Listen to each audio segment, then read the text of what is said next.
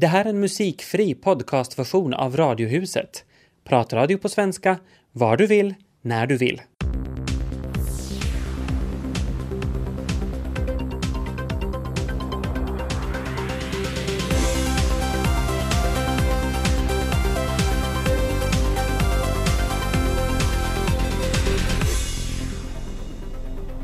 Här börjar Radiohuset torsdag som är med dig i radion fram till fem. Idag bemöter Ekåsens överläkare den skarpa kritik mot mentalvården som både en patient och en före detta överläkare har framfört här i Radiohuset. Och så ska vi prata om en liten fisk som kan byta kön. Och byta tillbaka. Och byta en gång till. Oändligt praktiskt. Från det ena till det andra med Tobias Larsson och Ami Lassila alltså. Henno Ligi är överläkare vid Ekåsens psykiatriska sjukhus. Hur länge har du jobbat på Ekåsen? Eh, Jag har jobbat i Ekosen ungefär 20 år nu. Och hur har Ekåsen förändrats under de här åren? Ekosen har förändrat mycket i det här året. Vi hade två olika sjukhus, vi har Ekosen sjukhus och, och den andra byggnaden också i Knipnäs. Och vi har ungefär 300 patienter här. Nu för tiden vi har bara mm, 45 sjukhusplatser. Patientmängden har minskat i sjukhuset men också hela attityden till, till sjukhusvård har, har ändrats mycket. I början av 90-talet, det började sådana period när, när anstaltvård läggs ner men, men det inte kompenserats. Men här i, i västra Nyland, i Ekenäs, i Ekosen, vi har satsat mycket på öppenvård nu. Ekåsens före detta chefläkare Kai Palmgren sa i kritik vad gäller psykvården att öppen vård borde fungera som ett sjukhus utan väggar, men så är det inte idag. Och då menar jag med det att all den verksamhet som idag finns knutet till en, ett psykiatriskt sjukhus, det är det som öppenvården också ska behöva. Jag tror att vi är på rätt väg. Vi har satsat nu ganska mycket på öppenvården och jag tror att vi har här i öppenvården, inom primärhälsovården och inom specialsjukvården tillräckliga resurser just nu. Vi har akutmottagning i Ekåsens sjukhus. Vi har mm, enhet av mobila psykiatri. Det betyder att vi kan reagera snabbare och, och vi kan erbjuda vård i hem. Våra mm, sjuksköterskor gör hembesök, tar patienten emot också jourmässigt och, och på det viset det, det är mera, mer, mycket aktivare um, öppenvård som, som, som vanlig tidsbeställningspoliklinisk verksamhet, öppenvårdsverksamhet. Och, och det, jag tror att det är en ganska stor förändring nu i psykiatrin. Men den kritik som har riktats då av både Kai Palmgren och också av um, en ung kvinna, 24-åriga Frida, som vi har intervjuat här i Radiohuset, gäller bland annat anstaltvården. Nu är den här ålder, det här för personer över 65 som lider av någonting. Så de är slagna ihop med akutavdelningen. Det, det funkar inte alls. Det är så stor kontrast mellan 18-åringar och 65-åringar. De äldre behöver hjälp till vässan, eller de flesta behöver. De behövs kläs på, de måste matas och så vidare. Att det fungerar helt enkelt inte. Det är hemskt att se på. Vårdarna så de är så stressade att de hinner inte helt enkelt med allting. Förstås vi har stor utmaning att, att söka alla patientgrupper om vi har bara två avdelningar. Så det betyder att vi har inte mera möjligheter att ha olika avdelningar som har olika specialiteter. Tidigare vi hade geropsykiatriska avdelningar som sköter äldringar. Vi hade också äh, skilt akutavdelningar för vuxna, men nu det allt tillsammans. Vi har fortfarande ungdomsavdelningen som, som betjänar ungdomar, men, men det är klart att det är inte så lätt att organisera det. Men, men det problemet är också att, att vi behöver, nu när vi har i en ny situation, att vi, vi måste betjäna och sköta olika patientgrupper i samma avdelning. Ja, mm, så det betyder att vi behöver nya utrymmen också. Sådana utrymmen som man kan, eh, eh, som är planerat från första början att betjäna olika patientgrupper. Vi, vi har nu det gamla utrymmet i Ekåsens sjukhus. Det, det fungerar ganska bra men det är inte optimala just nu. Så därför är det mycket viktigt att vi ska få så fort som möjligt nya, nya utrymmen för um, våra, våra verksamhet, våra sjukhusverksamhet. Det är helt logiskt och, och också optimalt att vi ska flytta så snart som möjligt till, till Västra Nylands sjukhus, att, att vi ska få en nya, nya utrymmen där. Finns det möjlighet till olika aktiviteter, olika terapier? Finns det frissa, gym etc. för, för patienter som vistas längre tid? Ja. Vi har också i fortsättningen olika aktiviteter men, men, men vi har inte så mycket mm, personalen i aktivitetsrehabilitering mera därför att vi har inte mera så mycket patienter, så mycket klienter inom sjukhuset. Men våra rehabiliteringsenhet betjänar också i fortsättningen mm, öppenvårdspatienter, sjukhuspatienter och um, vi skulle försöka få också nya former av terapi och, och, och sysselsättningsterapi. Så, så det är inte fråga om det att alla former av terapier skulle sluta eller, eller skulle överflytta någon annanstans. Det är inte, inte så. Vi, vi fortsätter att erbjuda helpaket av specialsjukvården inom psykiatri också i fortsättningen.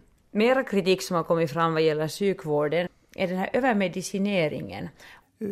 Det finns nog en illavarslande trend idag att med en övertro på mediciner. Nej, vi har någonting annat. Människorna är i nöd. De vill ha hjälp. De har hört om mediciner.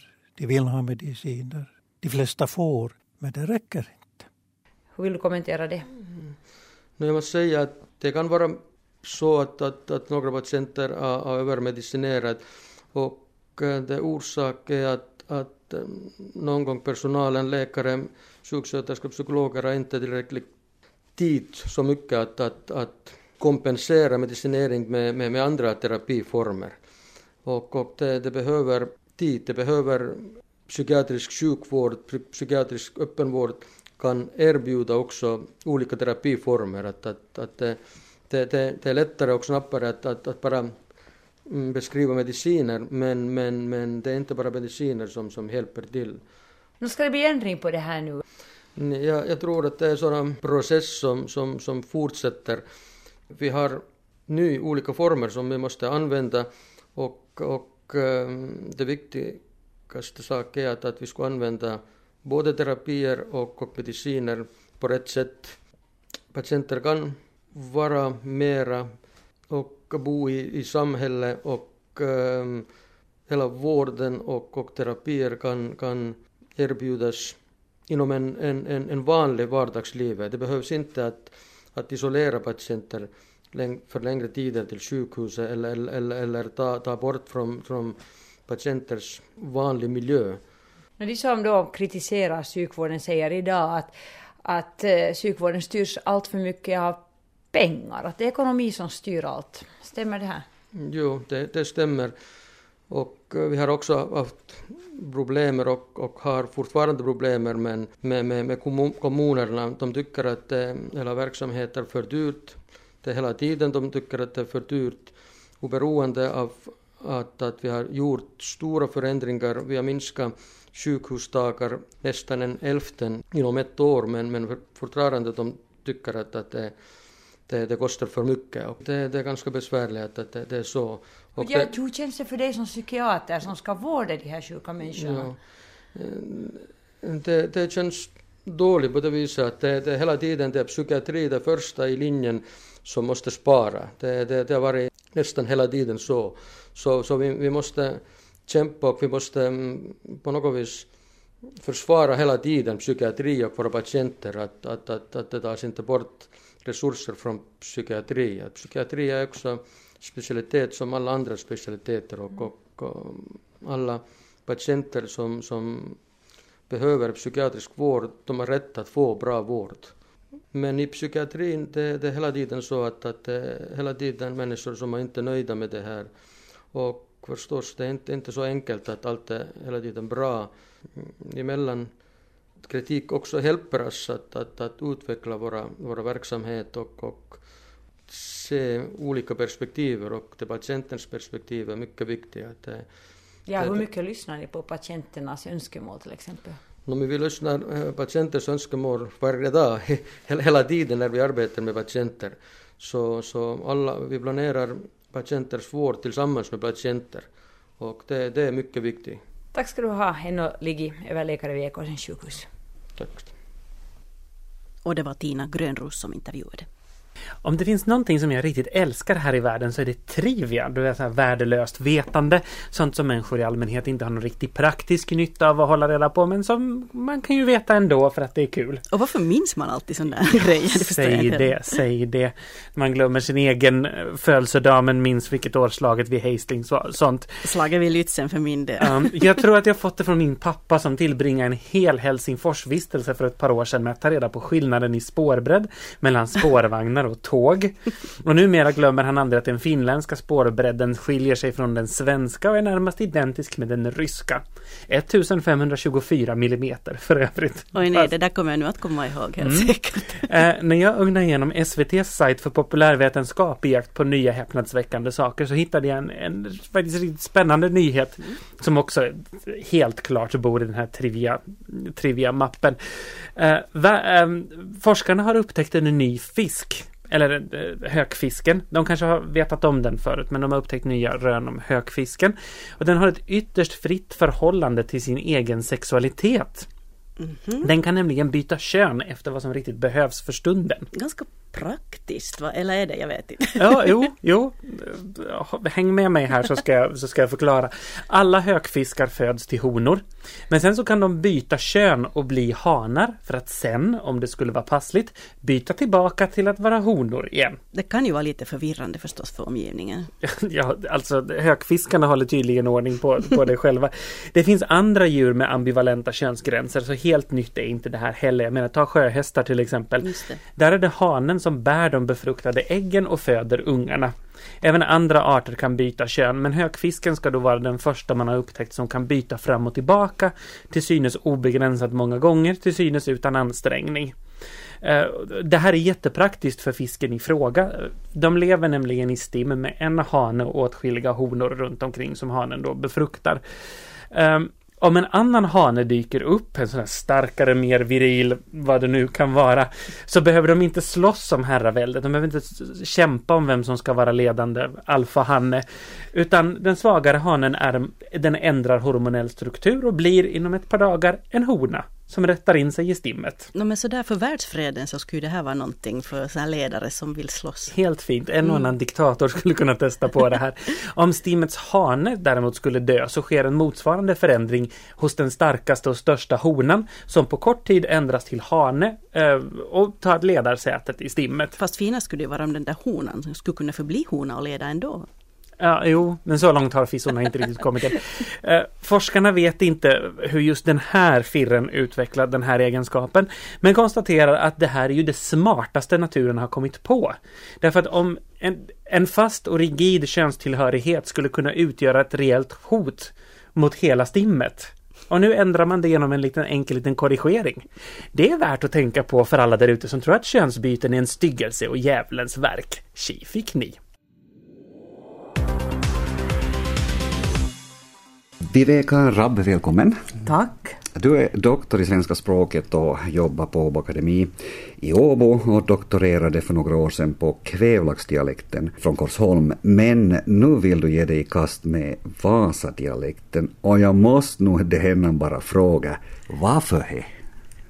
Nå, jag har inte varit gjort någon undersökning om svensk i Vasa och uh, det är ju lite underligt för att Vasa är ju en så pass stor stad och bor mycket svenskspråkiga ger. Det har varit liksom en vit fläck i forskningen. Mm. För att eh, för några år sedan så vart det gjort av Ann-Marie Ivars och Marie-Charlotte Gullmetsvik så gjorde en undersökning om svensk i Jakobstad, Kristinestad, Ekenäs och Lovisa. Och så finns det lite gjort från Helsingfors. Men Vasa och Åbo så är helt blank. Nå, hurdan är han då, svenskon vi, vi pratar här? Själv är jag från Ropanäs. Ja, som jag uppfattar det så i svensk i Vasa, så för det första så tycker jag att det finns flera olika sätt till tar svensk i Vasa. Vissa sätt ju mig så det lantlig som till exempel Sondom-dialekten som fortfarande är ganska, en ganska vanlig landsbygdsdialekt som jag nu har uppfattat Så finns det då flera vis som är lite mer så det, det finns inslag och dialekt. Men så finns det ett avståndstagande mot vissa dialektdrag som man då inte använder i stan, mm. men som finns i Korsholm utanför stan. Och lite intressant med dig själv är ju då att du kommer från Koskö som inte geografiskt når riktigt långt härifrån stan, kanske en, ja, 15 kilometer. Precis, och ändå talar du och jag nu ganska olika, mm -hmm. så det är ju intressant. Mm. Nå, vilken stadsdel skulle vara mest intressant där? Det finns ju flera stadsdelar som verkar intressant. Jag har nog lite börjat nu med, med Dragnäsbäck. Många har framhållit just handdialekten som speciell. Bäckindialekten. Ja, och jag vill se om det stämmer, om fortfarande stämmer. Och eh, centrum behöver jag ta till jämför med.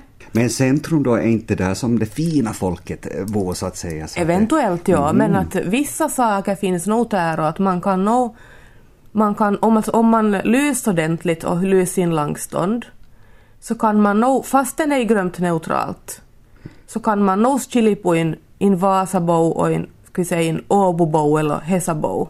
För de talar inte standardsvensk på samma sätt. Mm. Så det finns vissa drag ändå som man kan säga att hon måste vara från Vasa. Mm. Men skulle du säga att just när det gäller de här som bor i, i centrum då, mitt i stan, så om vi har någon form av högsvensko så är det de som pratar här? Ja, så verkar det i alla fall. Mm. Att, att vissa personer i centrum talar nog faktiskt grömt neutralt. Det finns inte mycket där som man kan ta fasta på. Så om man då så vill skulle man kunna tolka som så då att det här är ett innerstadsfenomen det här med, med att prata lite bättre svenska? Mm, ja, så verkar det lite. Mm. Men äh, det kanske stämmer mest för gamla folk. För att nu för tiden finns det ju några akademikerfamiljer i Dragnäsbäck och så vidare och det är då kanske ganska standard då. Mm. Så att äh, med yngre människor så kan mönstret vara lite annorlunda. Upplever du som är, är bråttom med det här nu innan dialekten så att säga försvinner från, från den här stan? Liksom, att håller det på att dö ut eller, eller hur ser du? Vad tror du? No, så det har ju dialektologen talat ända sedan 1800-talet. Det har alltid varit bråttom. Och än har det ju inte dött ut. Nej. Så att, så att nog, nog tror jag väl ändå att, att det är helt tillräckligt intressant, dagens situation. Att förstås kan det ha varit Aleis för 50 år sedan men jag tycker nog att dagens situation är helt tillräckligt intressant att undersöka. Att nog finns det ännu, ännu dialektala drag som man kan undersöka. Mm. Och speciella uttryck som, som vi kör med här, så då tänker jag på sånt som typ eh, tjuppa, eh, och det betyder att springa, groddy och bully, stor, snajdig, liten. Eh, är de här uttrycken är de ovanliga i resten av Finland? Ja, det kan jag inte riktigt säga. Alltså jag, jag skulle ju inte använda naito till de orden. Mm. Men det kan hända att i Arstas dialekter, de kan finnas i till exempel Åbo och Helsingfors, det är det samma orden. Eller något av dem. Ja, eller naito av dem, ja. Mm. ja. Sen har vi ju Hamarin och Stede, Yxun, Lampun, Pellu, Bilin. Inte är det så vackert inte. Mm, ja, no, men det, låter, det orden låter ju ganska sådär landsbygds. Jag, jag skulle kunna säga det samma. Mm. Ja, det beror ju som på vem som lys vad som är vackert eller inte vackert. Jag tycker ju att det är ganska mysigt. Och ja, mm. jag tycker nog att det är helt okej till tal så det. Men hur viktigt är det att dokumentera det innan, innan det liksom, ja, försvinner då eller? Mm, nu för tiden så funderar man ju mycket på språkförändring är det som, som många dialektologer sysslar med nu för tiden. Och eh, om man gör inspelningen i Vasa nu så kan man ju sedan om 30 år göra nya inspelningar och se vad som har hänt. Hur långsamt dialektutjämningen då i så fall går.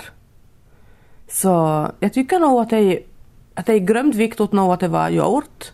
Jag vet inte heller hur bra Vasaboan själv har koll på varietet ännu för tiden.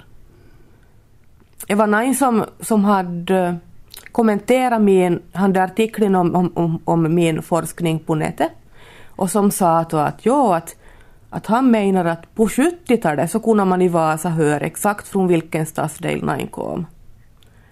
Och jag vet ju inte om det stämmer men det låter ju intressant. Och frågan är ju om det stämmer nu för tiden. Det vet jag inte men det, skulle jag gärna vilja ta reda på. att skillnader faktiskt mellan olika delar av stan så det finns en tydliga skillnad faktiskt. Mm. Och det låter ju riktigt eh, intressant för mig själv också att få reda på det. Men hur gör du nu den här avhandlingen och, och när är den klar? Nå, det beror på finansieringen. Det tar ju nog antagligen, även i bästa fall så tar det flera år. Eftersom jag skulle vilja skriva en hel bok om, om det. Men att de beror ju på, jag har fått några lite pengar från SLS. Men sedan vet jag inte. Att jag måste ju helt enkelt få finansiering någonstans ifrån för att för att om jag arbetar heltid med något annat så kommer det ju till glömt långsamt framåt med det forskarse. Mm. Då får vi ta och tacka dig så mycket Viveka Rabb för att du kom in hit och så får vi väl båda försöka börja svänga till, till den där så kallade högsvenskan vi tar. Och var det, förresten, för mig var det jättesvårt det här att komma ihåg min barndomsdialekt. Hur var det för dig att prata koskadialekt? No, jag tycker nog att det känns naturligt att ta koskdialekt men förstås jag har ju aldrig gjort det i radio. Så det var ju lite speciellt. Mm. Tack Rebecka. Tack. Och det var Peter Falund som eh, talade vacker dialekt där tillsammans med Viveka Rabb. Idag har lärarfacken föreslagit att kvarsittning ska ersättas av arbetstjänst. Vad tycker du om den idén? Det beror väl lite på vad den där arbetstjänsten innebär. Jag tycker kanske inte att de här stackars eleverna ska skickas ner i saltgruvan eller någonting sånt. Nej, det är väl att städa på skolan är det väl närmast det som är tänkt. Ja, det tycker jag är helt bra. Alltså samtidigt, en del av mig tycker att det är lite opsykologiskt att framställa städning som ett straff. Städning mm. är någonting som ska göras i vilket fall men, men i princip hellre att man städar än att man bara sitter. Så ja, varför inte? Mm, jag tycker nog faktiskt också att det är en alldeles bra idé eftersom den här själva tanken med kvarsittning så den har nog urvattnat för att ja, man kommer väl dit och anmäler sig och sen gör man lite vad man tycker, håller på med sin mobil eller något sånt där. Ja, du, så var det inte när jag var lärare och övervakade kvarsittningar. Det kan jag berätta. Mm. Hälsning till alla mina gamla elever som har suttit kvarsittning för mig. Men det här med skam och att man på något vis ska begrunda sina synder. Så det, det, har nog inte funnits på hemskt många år, knappast ens bland dina elever Tobias. Nej, jag slog dem ju inte, det gjorde jag inte. Lärarna eh, själva alltså säger här att de tycker att det är slöseri med deras tid i alla fall. En del skolor kör ju det här med försittningar och speciellt för de som har försenat sig många gånger så det är ju ett straff förstås att man måste stiga upp sådär extra tidigt. Och för hela familjen eftersom ja. hela familjen oftast måste stiga upp tidigare när en unge gör det. Visst och, och för lärarna också då. Mm, ja då. Men det här med att städa så jag tycker egentligen att det är ganska bra på många sätt. Man, man gör någonting så här konkret, man ser att man har fått någonting gjort, man måste anstränga sig och, och så kanske det för med sig också det här att hej, att man kanske inte skräpar ner så mycket för man märker att det är någon som måste städa efter en och det är faktiskt ganska jobbigt. En ganska god insikt. Mm. Nå, eleverna har ju inte tagit emot det här sådär med glädjerop precis, några kommentarer sådär att nej, jag tänker inte städa någon annans smuts och jag börjar inte skura några vässor, sa en annan. Men det är ju bara ett bevis på att det skulle fungera. Precis. Gästarna som de skulle anstränga sig för att slippa råka ut för det här då. Ja, men på Utbildningsstyrelsen så tycker de att det här strider mot lagen och då borde man kanske ändra lagen lite. Och på nätet så gissa om folk har kommenterat, alltså tiotals, tiotals kommentarer på det här. Men en av de bästa tycker jag faktiskt kommer från en långtidsarbetslös som säger så här. Arbete är inget straff, det är ett privilegium. Tänk på det. Idag eh, ska min kolumn handla om ett lyxproblem, eller ilandsproblem, vad man nu sen vill kalla det. Ett problem som uppstår som en direkt följd av att vi har det för bra helt enkelt. Eller problem och problem, inte vill jag ens kalla det för problem. Ett irritationsmoment snarare. Ett som mest beror på mig själv och min egen lathet. Det är väl vad det är. Vi bor ju ganska stort här i Finland. Och speciellt om man bor i eget hus så har man ofta lite för många kvadratmeter i förhållande till vad man egentligen behöver. Vi till exempel har det där extra rummet. Det kan kallas gästrum, arbetsrum eller hobbyrum, lite beroende på vad man använder det till. Lagrätt vore kanske rätt namn för vårt extra rum. Men vi kallar det för gästrum slash arbetsrum fast det aldrig används till det. Helt enkelt för att vi aldrig erbjuder någon att övernatta där. Eventuella gäster så får inte allt för stor plats om de ska rymmas in bland bråten där. Och inspirationen till att arbeta det hittar man ju definitivt inte där. Ja, förutom just nu, då skulle det kanske passa att sitta där i bråten för att få rätt stämning. Ni som har ett extra rum så känner kanske igen er i det där att där så består inredningen av alla de där möblerna och sakerna som inte riktigt passar in någon annanstans. Där finns allt det där som inte får plats på något annat ställe i huset. Eller rättare sagt allt det där som visst skulle rymmas i någon skrubb bara man inte tar itu med det och städa upp. Men som det är nu så finns där sambons lådor med ett virrvarr av sladdar udda fjärrkontroller, gamla telefonladdare och allsköns elektronikrelaterade prylar. Sen finns lådorna med sängkläder och annat som ska ut i sommarstugan där bara det skulle bli vår någon gång. Eh, där står den gamla TVn som ingen har använt på två år och samlar damm och ännu mera damm och så lite damm till. Och sen förtränger man helt det där rummet på något sätt. Nej, inte har vi fyra rum och kök, vi har tre rum och kök det där fjärde rummet det finns liksom och existerar bara i en annan dimension på något sätt. Tycker ni att det blev lite flummigt nu? Mm, vänta bara, det blir värre. Jag läste någonstans att ens hus symboliserar ens inre. Och har man ett rum som det som jag just beskrev så betyder det att man har ett förträngt dammigt rum fullt av skräp i sitt inre också. Och det vill man ju inte gå och dras med, eller hur? Och jag har faktiskt känt mig sådär lite smådammig och full av eh, skräp på senare tid. Så jag tog tag i saken och så städade jag i det här lagerrummet och vips så blev det ett rum som man faktiskt kan ha gäster i och som man kan sitta i när man jobbar. Och vet ni vad? Mitt humör blev mycket bättre efter det. Om det nu sen beror på att jag har städat symbolen för mitt inre rum eller om det helt enkelt är så att jag känner att våren är i antågande, det är en annan sak. Det sa dagens kolumnist Filippa Sundlin. Visste du att lyssna på musik det förbättrar hjärnverksamheten? Jag hade nog kunnat ana mig till det. Mm, jag, jag vill gärna det tro det. Ja. Mm. Du har ju jobbat ganska mycket på det där med att lyssna på musik. Mm. Men nu hade forskarna tittat på hjärnan med hjälp av en massa elektronik och det visar sig att man ska lyssna länge och regelbundet så tänker man bättre helt enkelt. Och det som är ganska roligt är också att uh, de har märkt att uh, musiken hjälper patienter med hjärninfarkt eftersom hjärnan stimuleras så mycket av musiken. Mm, det är bra rön. Men då ska det alltså vara musik som man gillar helst. Allra helst. För ett tag sedan pratade vi här i Radiohuset om det nya projektet Jourvuxen som startat på Facebook av författaren och föreläsaren Kristina Stielli. Jag tyckte att det lät intressant och ringde upp henne för att få veta lite mer. Vad är Jourvuxen för någonting?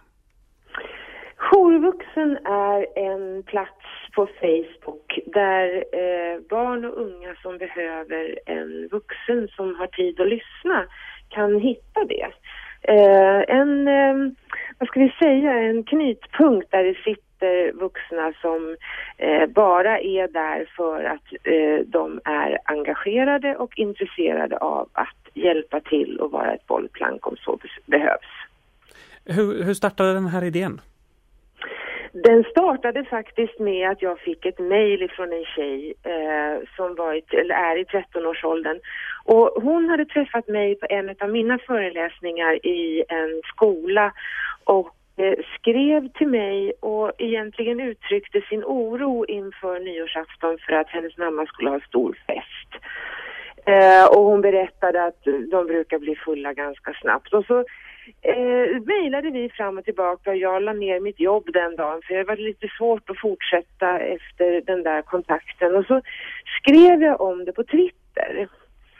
Och på Twitter så var det, det var så häftigt för jag fick så många meddelanden eh, om, eh, eller ifrån vuxna som sa att eh, vi kan hämta henne eller vi kan eh, sitta standby, hon kan ringa oss och så fick jag faktiskt en, ett, eh, en tweet ifrån en tjej som skrev ungefär så här att eh, om du vill så kan hon få mitt telefonnummer. Jag har tillbringat många nyårsaftnar på toaletten.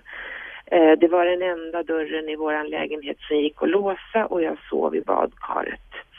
Och då kände jag att det är inte så förmodligen att den här flickan på 13 år är ensam. Och om det finns så många kloka vuxna som faktiskt vill hjälpa till, då måste vi ju kunna koppla ihop det på något sätt. Och det var så det föddes egentligen. Snabbt fick jag hjälp av ett proffs som bygger Facebook-sidor och eh, sen var sajten på plats bara några dagar senare. Hur fungerar då jourvuxen i praktiken? Den är ju för barn och ungdomar. Och då går man in där och tittar på vilken utav dem som är jourvuxen som man vill prata med. Och alla har öppna Facebook-profiler så att vi är väldigt, om vi säger transparenta i vår information om oss själva. Sen väljer man då vem man tycker passar. Det kan ju vara så att man vill prata med en tjej, det kan vara så att man vill prata med en kille. Eh, det kan vara så att man vill prata med någon som är yngre och så vidare. Och så eh, mejlar man och ställer sin fråga. Eller ber om råd eller vad det nu skulle kunna vara. Och där är det viktigt nu för oss att få in eh, människor som talar andra språk än svenska. Så att vi kan erbjuda det här för varenda unge, inte bara en liten del. Så man skulle kunna sitta i Finland och vara fungerande vuxen här exempelvis och chatta på finska med ungdomar som skulle behöva det? Absolut, ja absolut. För vi har ju, eh, vi har ju ungdomar i Sverige som pratar finska och sen så finns det ju kanske ett behov. Jag menar, nu ligger vi ju på Facebook och det är ju gränslöst. Så att det kan ju till och med vara så att det finns barn och unga i Finland som vill prata med oss och då får man naturligtvis göra det. Vad krävs av en deltagande vuxen? Det krävs mycket mycket. det krävs att man är en klok och empatisk person. Det är ju naturligtvis inte så att det går att köra någon test på det, men som det ser ut nu så kräver vi att antingen så har man en referens på en redan befintlig jourvuxen eller också har man tre andra referenser som vi kan kontrollera. Och då krävs det att man Eh, är mer online än offline. Man måste vara en vuxen som är den där som sitter och kollar på sin smartphone på tunnelbanan eller på bussen eh, mellan möten och på lunchrasten så att man hela tiden vet vad som händer. Eh, en jourvuxen måste också lova att det som sägs sägs i stort förtroende mellan den personen och eh, ungdomen då som, eh, som hör av sig. Eh, en jourvuxen eh, är också en person som inte har en dold profil på Facebook. Eh, som uppför sig eh, moget och vuxet och som också slussar vidare om frågorna kräver expertis eller professionell hjälp. Hur många jourvuxna har ni just nu? Nu har vi 20 och jag har en väntelista på över 100. Eh, så att, eh, och jag fick senast idag ett mejl från en vuxen som bor, en svensk som bor eh, i eh, Australien som sa att kan jag snälla, snälla få vara med? Och det är precis så alla mejl ser ut. Snälla, snälla, jag vill verkligen hjälpa till. Men eh, vi har 20 stycken nu. Verksamheten har inte riktigt kommit igång. Vi kommer att se till så att efterfrågan styr tillgången helt enkelt. Och då är det bra med en lång väntlista om det är så att det rasslar till så är det faktiskt viktigt att snabbt kunna sätta det på plats. Hur bra är säkerheten för de här barnen och ungdomarna som faktiskt vänder sig till de jourvuxna? Hur mycket kontroll har ni? Vad det handlar om är att vi måste se till så att eh, den jourvuxne sköter sig och att man skickar vidare om det behövs en professionell hjälp. Eh, men eh, det, annars så är det så att samtalen mellan den vuxne och det här barnet eller ungdomen, det måste vara stort förtroende. Så det är ingenting som vi ens pratar med varandra om. Eh, utom när vi kanske ställs inför ett eh, problem. Samtidigt så är det så att vi kan inte bortse från anmälningsplikten. I Sverige är det ju så att Ehm, alla som arbetar med barn och ungdomar i företag eller organisationer har en plikt att anmäla och då anmäler man bara om det finns en, en endast en liten misstanke om att ett barn far illa. Vi har inte den plikten.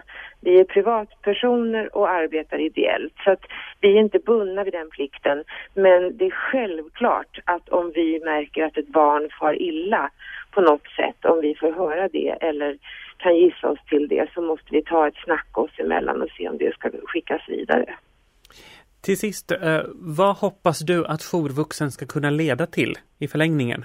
I rapporten ifrån Barnens rätt i samhället, BRIS, eh, för, från förra året så sa man eh, som en sammanfattning att barn och unga har ett minskat förtroende för den vuxna världen eftersom man inte upplever att vuxna har tid att prata eller inte har intresse för det som de gör eller, eller vill.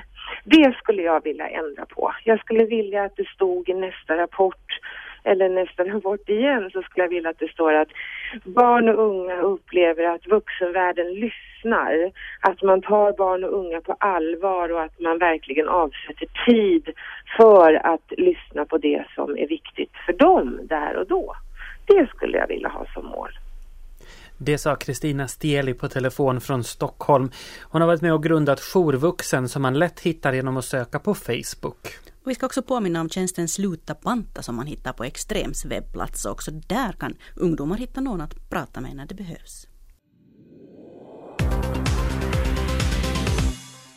På måndag, ja då vet vi också hur det har gått i presidentvalet. Mm, det blir ganska spännande att sitta där. Det blir jättespännande. På söndag kväll och följa med valvakan. Den här nyaste gallupen visar ju då faktiskt att okej, okay, självklart Niinistö fortfarande etta, men han sjunker ju hela tiden. Och Haavisto och Väyrynen däremot är nu jättejämna. Haavisto 12 procent eh, och, och Väyrynen 10 procent. Det här är ju inom felmarginalen så man kan inte riktigt säga nu att det vem är det som leder på riktigt? Ja, det märks hur alla vill spetsa till det här lite. Jag hörde i nyheterna förut uttrycket att, att Havisto drar ifrån.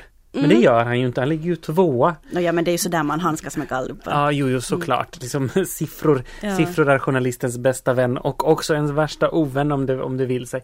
Men verkligt intressant är ju att alla de som inte har bestämt sig är 30 procent. Jag menar, vem ska de rösta på? Eller stannar de på soffan? Är det kanske så att en hel del av de som har sagt vad de ska rösta på också stannar på soffan? Ja, det vet man ju. Men jag tycker faktiskt inte att jag kan komma ihåg att det skulle ha varit så här många som, som inte har bestämt sig inför ett val. Det kan hända att jag har fel, men, men väldigt många är det i alla fall, så får se hur det går. Jag tycker att det blir en riktig rysare på söndag.